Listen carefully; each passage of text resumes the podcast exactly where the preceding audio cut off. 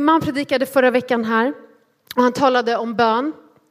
Och eh, predikan hette Jag ber tills jag ser. Ska du säga jag ber tills jag ser? Amen.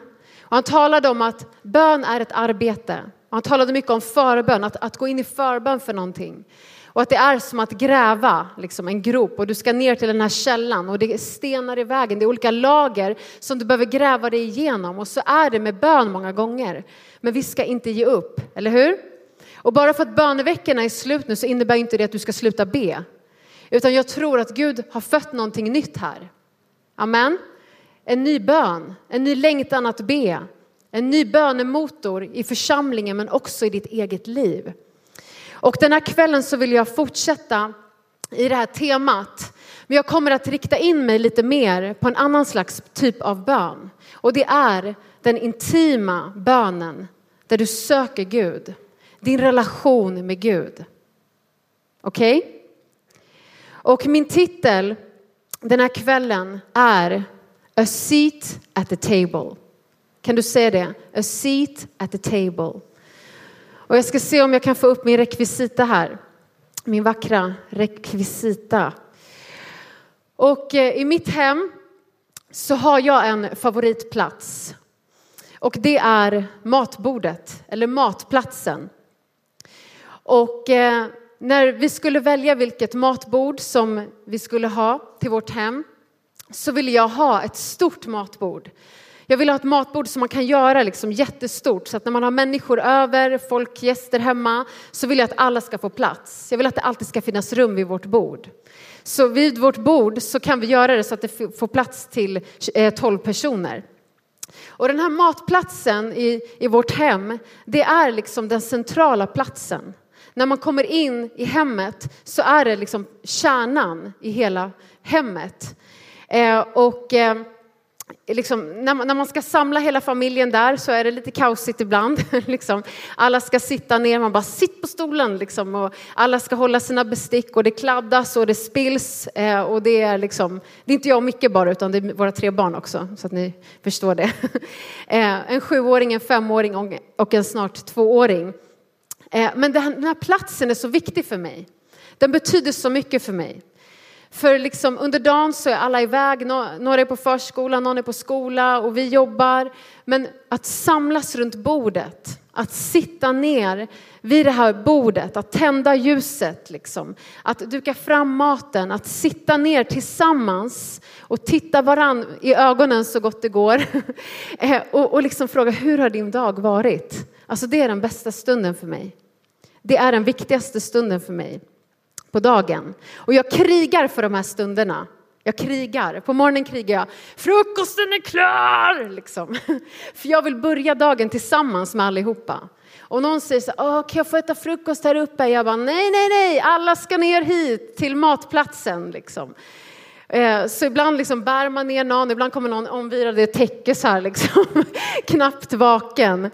Eh, på, på, liksom, på, eh, på kvällen när man gjort middag så är det liksom alltid någon som är mitt i någon lek, som är mitt i någon legobygge eller någon som är ute och leker med en kompis och man bara middagen är klar. Och, och så mamma kan jag få äta här uppe? Liksom. Här, nej, alla ska hit, alla ska sitta tillsammans, alla ska sitta här nu, se varandra i ögonen. Alla ska stilla sig den här stunden och lyssna på varandra. Okej? Okay? Det här är en jätteviktig plats för mig, den här matplatsen. Och jag vet inte hur din liksom, tillvaro ser ut i ditt liv. Du kanske inte alls har det så själv. Eller så bor du ensam, du kanske har flyttat hemifrån, du kanske är inneboende. Jag har ingen aning om hur, hur ditt liv eller din vardag ser ut just nu. Men ikväll så vill jag tala om ett bord som är uppdukat 24-7 för dig. Okej? Okay? Ett bord som alltid är uppdukat för dig. Och det är ett bord för två. Och det är mellan dig och det är mellan Gud. A seat at the table. Och ibland så tror jag många gånger, jag tror vi alla kan hamna i den här fällan. Att vi kan hamna i att målet med vår bön endast blir det här miraklet vi vill se. Vi kan även hamna i att målet med vår bön endast är rutinen som vi ska liksom checka att vi har bett. Det här kan bli målet med vår bön, men vet ni, det, är inte, det är inte det Gud har tänkt. Utan målet med vår bön, det är Gud själv. Han är målet. Han är målet med vår bön, först och främst. Och Jesus, han, han levde i det här. När man läser om Jesus så kan man läsa om att när han bara var 12 år gammal jag tror att om jag minns rätt så var det att de firade påsk och han med liksom familj och släkt och vänner och allting. De begav sig till en annan stad för de skulle fira påsk och de var i templet, de firade den här högtiden och sen skulle alla be sig tillbaka hem och helt plötsligt så inser hans föräldrar att Jesus är inte med dem. De har tappat bort Jesus, de har tappat bort sin son.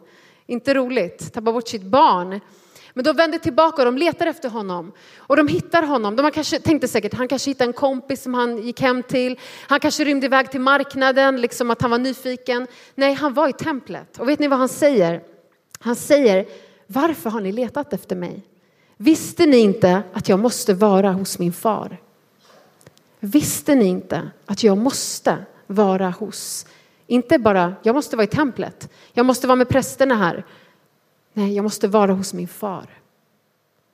Det var Jesu behov redan när han bara var 12 år gammal.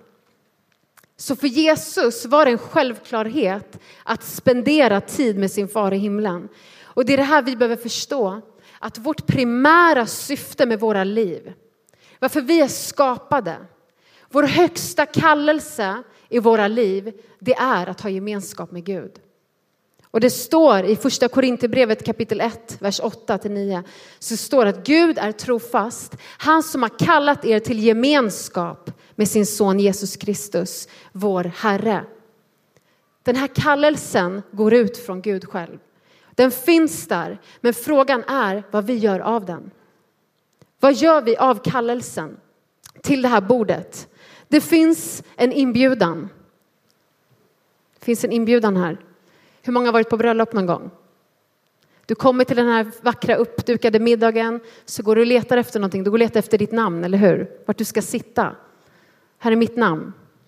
Vet du, det finns en inbjudan vid det här bordet och där står ditt namn. Inte någon annans namn. Det är inte blankt, utan ditt namn står där. Inristat. Dag efter dag, timme efter timme, minut efter minut så finns det en inbjudan som går ut från tronen, från Guds eget hjärta. Och Gud, han har gjort reservationen. Han har dukat upp det här bordet för dig. Han har betalat notan redan innan du har kommit. Det enda du behöver göra är att respondera på inbjudan och komma. Och vi har olika val och jag kommer gå igenom de här olika valen och jag har bara bett att Gud ska uppenbara någonting helt nytt när det kommer till relationen med honom den här kvällen. Vi kan ha hört många gånger om bön, vi kan ha hört många gånger liksom olika saker kring det. Men min bön har verkligen varit att någonting nytt ska födas i ditt hjärta. Och det första valet vi har, det är ju att inte dyka upp. Och Jesus talar om det här. Och vi ska läsa från Lukas kapitel 14, vers 16. Och Jesus säger, en man ordnade en stor festmåltid och bjöd många. När tiden för festen var inne sände han sin tjänare för att säga till de inbjudna, kom, nu är allt färdigt. Men alla började ursäkta sig. Det finns en inbjudan. Det är inte bara för ett tillfälle utan det är en stående inbjudan och kallelse till dig att komma och umgås med Gud själv. Att komma till det här bordet, det här uppdukade bordet att komma och sitta i Guds närvaro. Och vi kan höra det här många gånger. Men vad står det? Vad var det som hände? Vad är det Jesus säger? Människor började ursäkta sig. Och precis så här kan vi vara många gånger. Om man läser vidare så står det att en sa nej, jag kan inte komma för jag behöver ta hand om min åker. En annan sa nej, jag kan inte komma, jag behöver ta hand om mina oxar.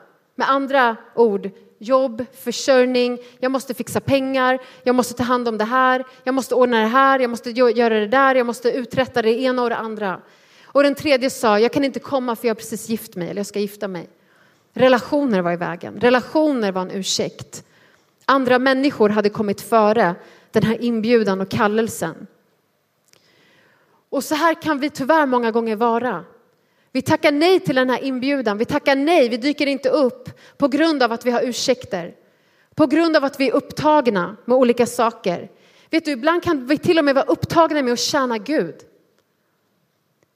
Vi kan vara så upptagna med att tjäna Gud att vi glömmer den här platsen som allting utgår från. Intimiteten med Gud själv. Det kan vara att man prioriterar annat i sitt liv. Det kan vara att man känner sig rastlös, man har svårt att stilla sig, man orkar inte. Men det kan också vara så att det finns tankebyggnader, att det finns saker du bär på som hindrar dig från att komma till den här platsen. Det kan vara synd, men det kan också vara tankar som att jag inte är värdig. Varför skulle Gud ta emot mig? Jag har gjort det här, jag har varit med om det här.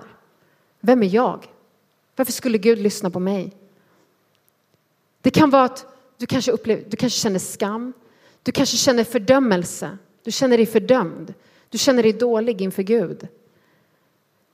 Det kanske är, och det här är ett dike vi kan hamna i, ibland är det att vi tror att, att vi måste vara perfekta för att komma till inför Gud. Ibland har jag hört människor säga så här, jag mår så dåligt så jag orkar inte komma till wow-gruppen eller kyrkan. Då säger jag, men vet du, det är då du behöver komma. Det är då du behöver komma. Och samma sak är det med Gud. Ibland är det som att vi säger, jag, jag mår så dåligt, jag, jag orkar inte komma inför Gud. Men vet du, det är exakt då du ska gå till Gud. Det är exakt då du bara ska komma och bara sätta dig vid det här bordet. Du behöver inte prestera någonting. Du kan bara komma som du är och vara med din far i himlen. Så det är en sak att vara inbjudan, men det är en helt annan att faktiskt komma. Så det är det första valet, att vi inte dyker upp av olika anledningar. Det andra, det är att vi kommer, men vi kommer inte för personen, vi kommer för rätterna. Vi kommer för det här, är de på riktigt? Ja, det var de. Gott. Vi kommer för det goda. Vi kommer för det vi vill ha från Gud. Vi kommer för våra mirakler. Sätter i halsen här. Vi kommer för välsignelserna. Vi kommer för våra bönesvar. Vi kommer, Gud bara ge mig det här, ge mig det här, ge mig det här, bla bla bla bla. Amen, tack, liksom, ha en bra dag. Liksom. Så går vi vidare i livet. Och jag, jag kan säga en sak. När man själv får barn, uff vad man får respekt för sina egna föräldrar. Ni som har barn, några, några kanske, förstår vad jag menar. Oj, vad man får respekt. Man får respekt för deras matlagning. Man får respekt för deras städning och tvättning och allt det som de gjorde som man själv inte ens tänkt en tanke på. Man bara tog det helt för givet. Och jag som ganska nyligen kommer från ett sommarlov med barnen, dygnet runt har man varit med barnen och man lagar frukost, man lagar mellanmål däremellan, man lagar lunch, man lagar middag och lite fler mellanmål. och snacks och kvällsmat och allt vad det är. Och, man planerar, man handlar, man lagar och lagar och steker och hackar och, och panerar och friterar och grillar och alltså you name it. Och man förbereder allt det här liksom till den här måltiden. Man dukar, man gör det mysigt, man förbereder. Och så ropar man maten är klar och så hör man, liksom hör man de här stegen. Och så, så bara dundrar alla in och alla bara ah, så här sätter sig. Vi ber för maten, i Jesu namn, amen. Och sen så börjar alla äta och tro mig, ibland kan det gå på fem minuter. Och så säger tack för maten, hej då liksom. Och jag bara ursäkta, kom och sätt dig. vi är inte klara här. Nu ska vi prata. Nej mamma, jag tycker inte om att prata. Men åh vad man får respekt. Och så, och så sitter man kvar liksom. Jag och Micke sitter själva. Han drar inte. Nej, han drar inte. Han får inte dra. Men så sitter man där själva och man bara tittar på varandra helt så här utmattade och bara ser all disk. Och man bara, ja, det var det. Så ska man liksom plocka bort allt och städa dessutom. Sopa golvet, moppa golvet och man bara respekt till alla föräldrar. Men vet ni, så här kan vi vara med Gud. Vi kommer och vi går. Vi hämtar och vi går. Vi plockar och vi går. Vi tar våra vindruvor och går vidare. Och vet du, du kommer in, vi kommer inte på djupet av det som Gud har tänkt. Vi snuddar bara. Vi hämtar lite kraft och går vidare. Vi hämtar lite glädje och går vidare. Vi ber för det här behovet liksom och går vidare. Vi kommer, vi kanske sitter liksom så här med telefonen och bara, ja ah, just det, ja ah, Instagram där, ja ah, just det, det och det liksom. Och så går vi vidare. Det blir bara ett stopp på vägen. Det här bordet, det är fyllt med så mycket gott, så mycket välsignelser. Men vi kan hamna där att istället för att först och främst söka intimiteten med Gud själv, personen själv, så söker vi bara det som är på bordet. Det står i psalm 27, vers 8 att mitt hjärta tänker på ditt ord, sök mitt ansikte. Ja, ditt ansikte, Herre, söker jag. Som Guds barn ska inte vi bara söka Guds händer. Det vill säga det han kan ge oss, det han kan göra för oss. Men vi ska söka hans ansikte. Hans ansikte. När jag är med mina barn då vill jag att de ska vilja vara med mig för att jag är deras mamma, inte för att jag ska ge dem veckopeng och leksaker. Eller hur? Jag vill vara med dem. Det tredje, det är att vi kan gå till ett annat bord. Jag ska se om jag kan få upp ett annat bord här. Om någon kan bära upp det, tack. Det står i psalm 23 och vers 5 att du dukar för mig ett bord i mina fienders åsyn. Du smörjer mitt huvud med olja och låter min bägare flöda över. På engelska står det You set the table before me in the presence of my enemies. Du har en fiende. Din fiende hatar när du kommer till den här platsen. När du intar din position, den platsen som tillhör dig. Och han kommer göra allt i sin makt för att du inte ska komma till den platsen. Är det någon som har märkt någon gång att det är en kamp att be? Att gå upp tidigare på morgonen och söka Gud? Alla bara, nej det är hur lätt som helst. Jag tror inte det. Det är en kamp. Att lovsjunga ibland. Att öppna din bibel. Någon som har märkt att det är en kamp? Jag var hos bibelskolan idag. Har vi några bibelskoleelever? 66 stycken underbara elever. Jag hade förmånen att få vara med dem idag. Och jag sa, vet du, den där kampen, när du känner den där kampen, låt det istället för att det blir någonting som gör att du ger upp, liksom, låt det vara någonting som triggar dig. Att du förstår att det här är på riktigt. Det är, det är en kamp liksom, och därför ska jag pressa mig igenom det här nu.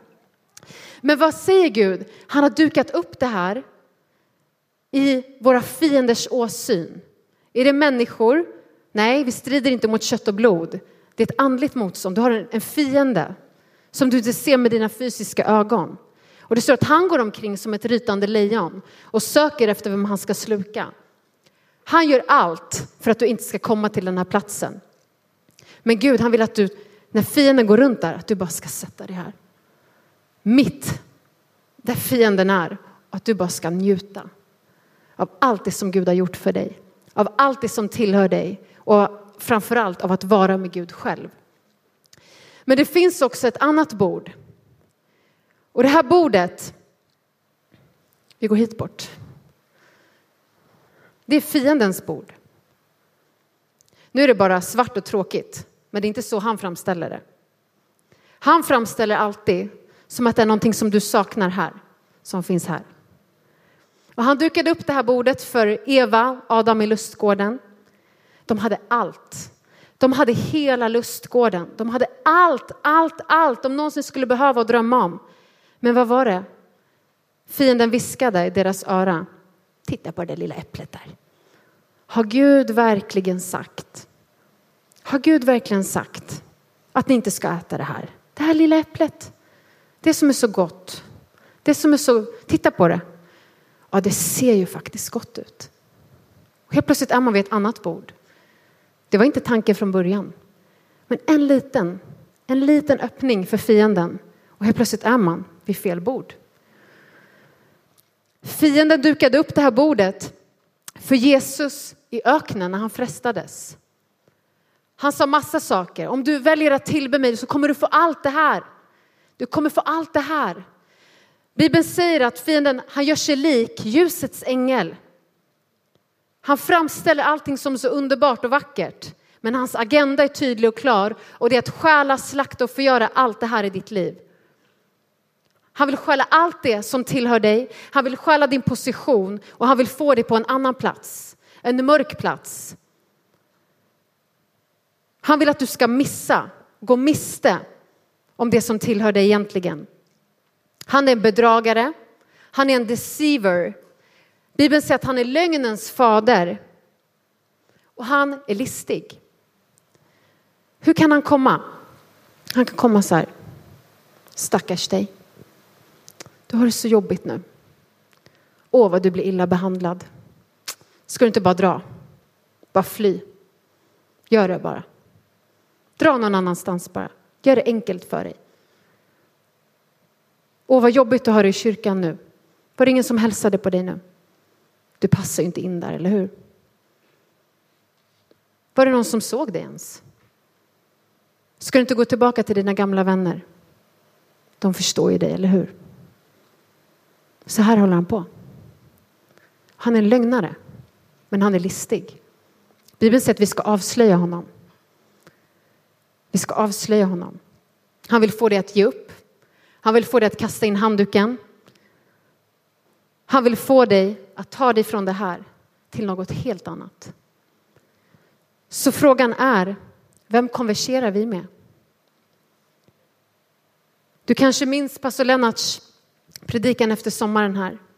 Det handlar om att vörda Herren. Och det var en mening där som slog in i mig och det blev grunden för den här predikan. Han sa, vilket bord sitter du vid? Vem konverserar du med?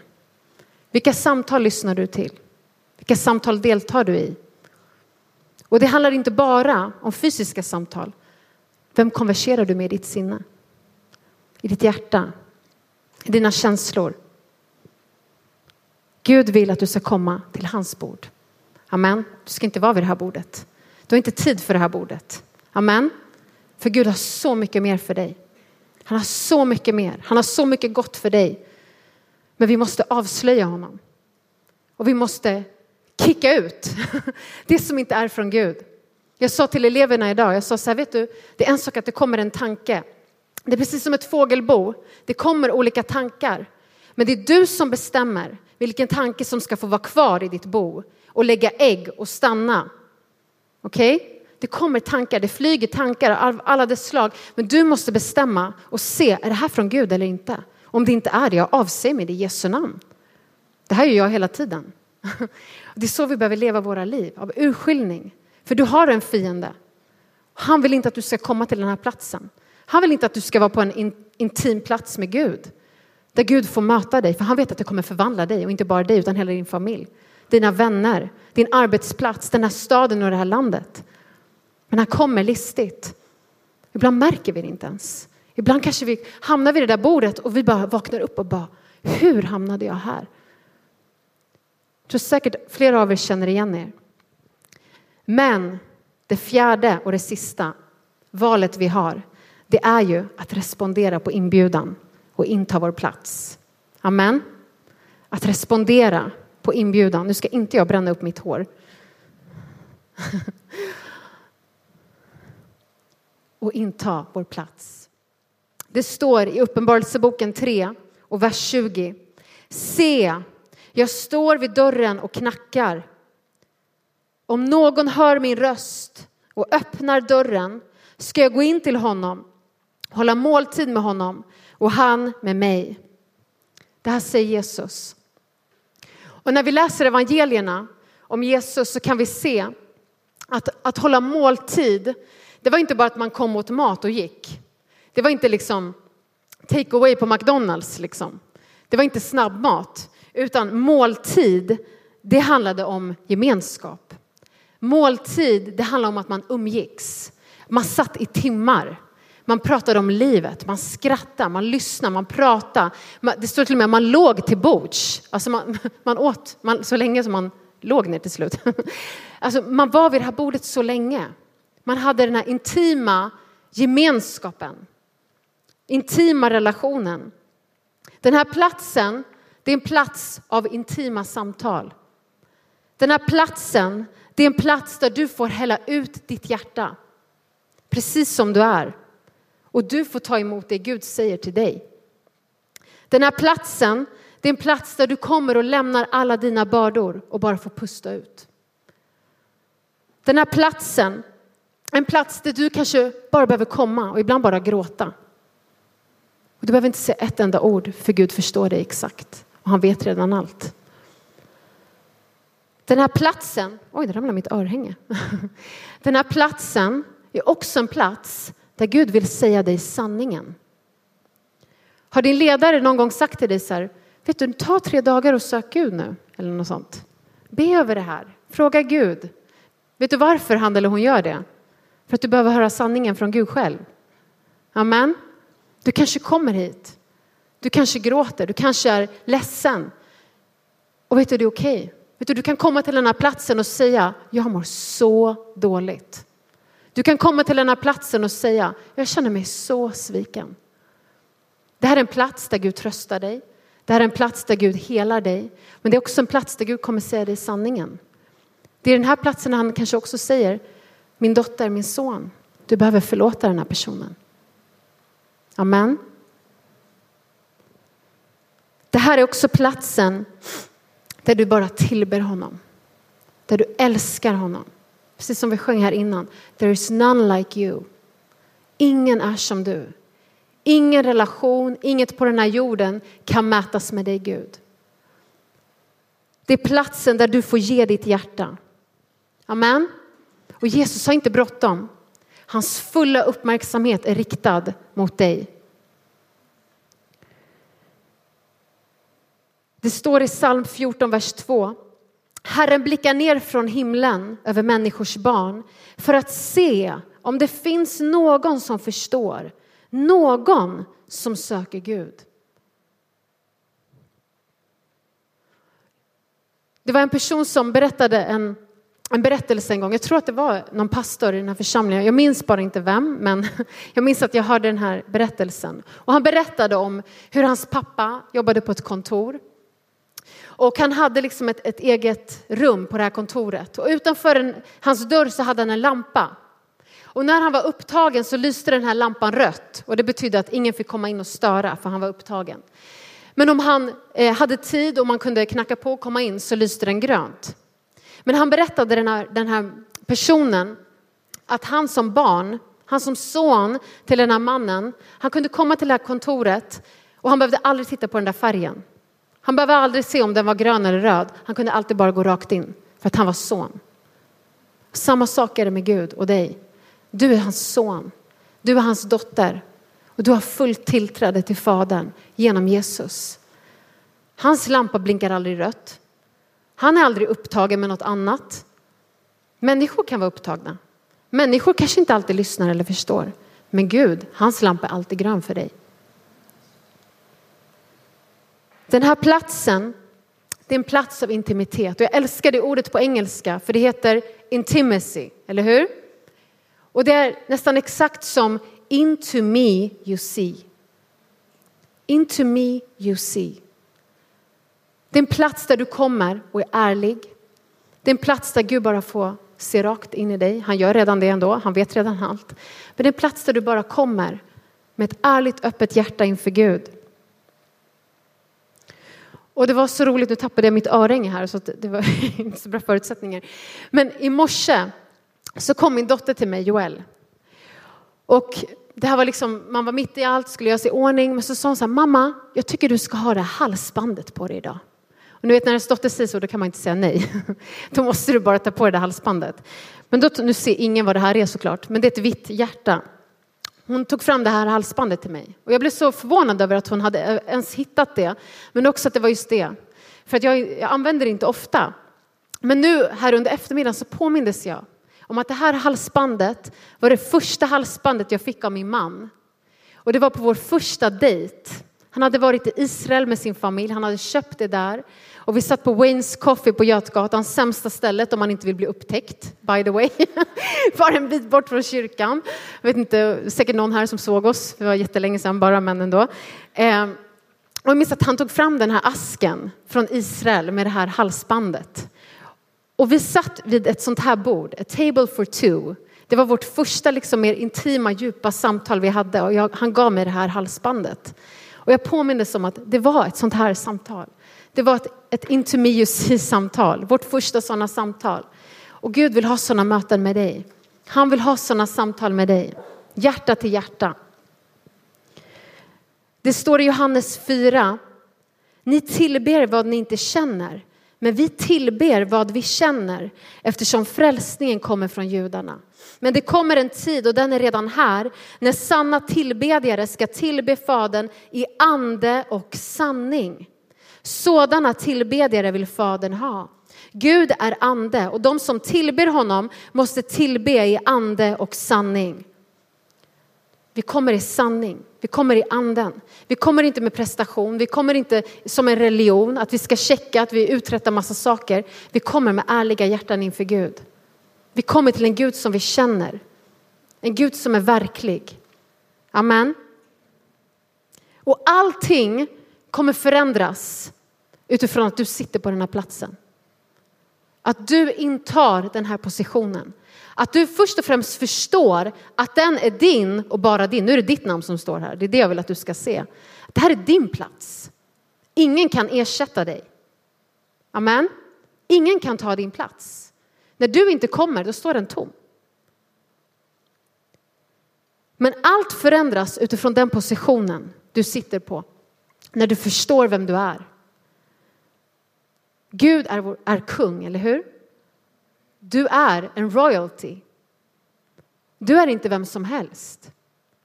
Det är som att vi skulle gå ut på gatan här och vi skulle hitta eh, vad heter det, prinsessan Victoria, prinsessan eh, Madeleine och, och prins Carl Philip ute och tigga här på gatan. Och vi bara, men kära vän, vad gör du för någonting? Du är ju prins, du är prinsessa. Vad menar du? Exakt så kan vi vara. Vi lever som slavar, som tiggare för att vi inte vet vår position i Jesus. För att vi inte vet vilka vi är och för att vi inte kommer till den här platsen som Gud har redan har dukat och förberett och reserverat för oss. Ibland är det som att vi lever av smulor men vi behöver förstå att det är Gud som är bagaren själv. Amen. Du ska inte vara en tiggare. Du är ingen slav. Du är en son och en dotter till Gud. Och den här platsen, det är en plats som du aldrig någonsin kan förtjäna. Du kommer aldrig kunna förtjäna den här platsen. Oavsett hur god du är, liksom hur goda gärningar du gör, hur mycket du uträttar för Gud. Den här platsen kommer du aldrig kunna förtjäna. Det står i Efesierbrevet 2 så står det att men Gud som är rik på barmhärtighet har älskat oss med så stor kärlek även när vi ännu var döda genom våra överträdelser, att han har gjort oss levande med Kristus. Av nåd är ni frälsta. Allt är på grund av hans nåd.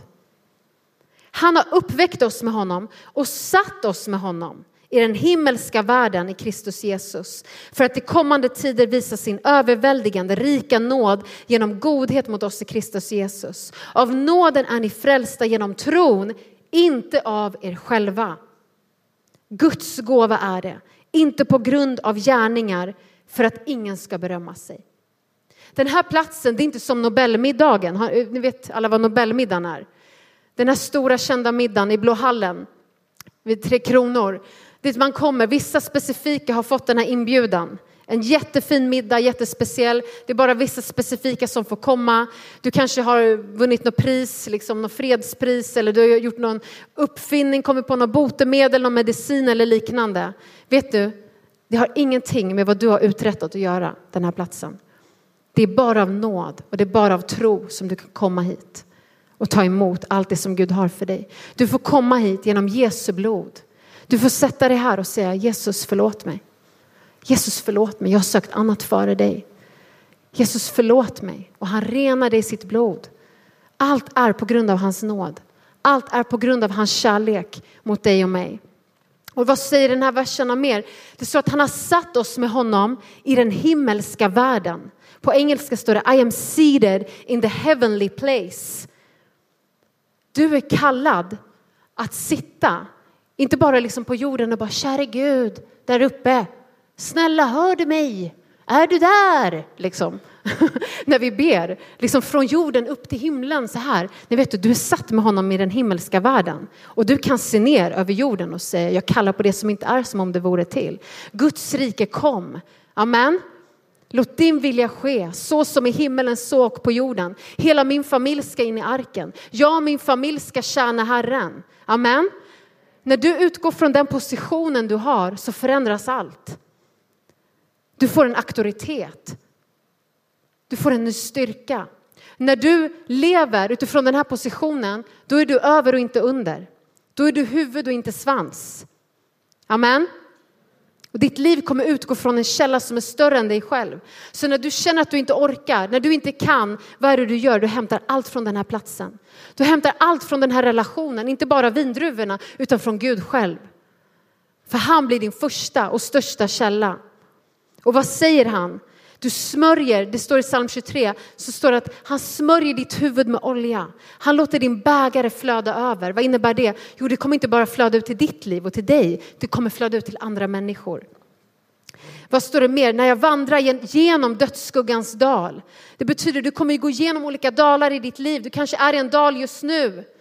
I dödsskuggans dal kanske. Du kanske går igenom sorg, du kanske går igenom något svårt. Vad säger Gud? Sitt här. Kom till mig. Jag kommer ta dig igenom. Du ska inte till en dal, du ska igenom en dal. Jag tar dig igenom dödsskuggans dal. Och när du går igenom dödsskuggans dal, när du lever på den här platsen, behöver du inte frukta någonting ont. För jag är med dig. Min käpp och min stav tröstar dig. Amen. Spelar ingen roll vad du går igenom. När du utgår från den här platsen så maximerar du Gud i ditt liv och du minimerar allt det andra. Du gör Gud större i ditt liv. Det står i psalm 34, vers 6 att de som ser upp till honom strålar av fröjd. Inte bara när allt är bra, inte bara när allt är på topp i livet. Nej, när du ser upp till honom kommer du stråla av fröjd.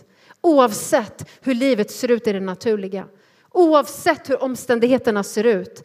Deras ansikten behöver inte rodna av skam. Och när du möter människor som säger Gud finns inte. Nej, men Gud finns inte. Då blir du så här, ursäkta?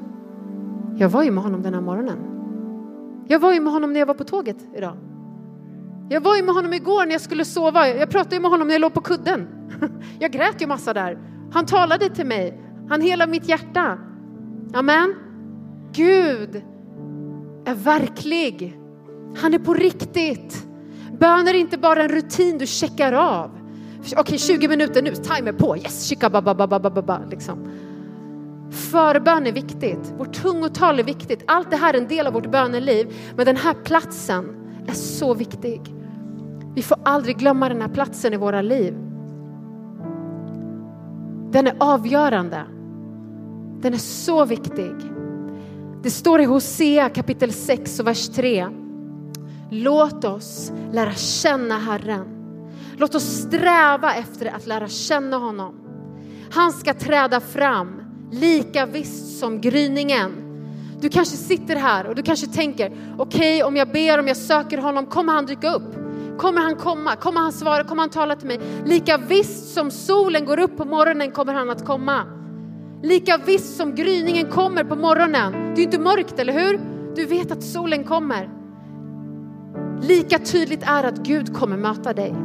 Att han kommer tala till dig. Precis som Nam sa, när du söker Gud så kommer du finna honom. När du bankar kommer dörren öppnas. Du har en plats vid Guds bord. Och frågan är, vad är din respons på hans inbjudan? Det är ett bord för två. Ingen kan ta din plats. Gud väntar på dig. När jag sitter vid matbordet där hemma, då vill jag sitta mitt emot min man. Jag vill inte att grannens man ska komma och sitta där, eller hur? Emil heter han. Jag vill ju ha min man där, eller hur? När jag ropar på mina barn, Aron, Joel, Lionel, då vill inte jag att grannbarnen ska komma bara. De brukar vara där jättemycket och hänga och äta allt möjligt. Men, men jag vill ju att mina barn ska komma. Så är Gud med dig. Det är dig han längtar efter. Det är dig han kallar på. Det är dig han knackar på. Och det är inte, det är inte så här knack, knack och så går han vidare. Nej, det är knack, knack, knack, knack, knack, knack. Det är en knackning som aldrig ger upp. För han ger aldrig upp om dig. Det spelar ingen roll hur långt borta du känner dig från Gud. Det spelar ingen roll vad du har gjort, det spelar ingen roll hur ditt böneliv har sett ut Det spelar ingen roll. Du kan komma till den här platsen idag. Idag kan du kliva rakt in, sätta dig vid bordet som en son, som en dotter med rak rygg och säga Gud, här är jag. Jag vet att jag har varit borta. Jag vet att jag har gjort det och det. Jag har varit här och där. Sväng dit till vid det där bordet och ursäkten där och oxen där och åken där och gifta mig vill jag där också liksom. Men här är jag. Jag är tillbaka. Nu äter vi. Amen. Att be, att söka Gud, det är inte en tung börda. Det är en glädje, det är livets sanna glädje. Tillbe Gud, att älska honom. Det är det vi är skapade för, det är vår natur. Och Jesus har betalat notan. Han har betalat notan för allt.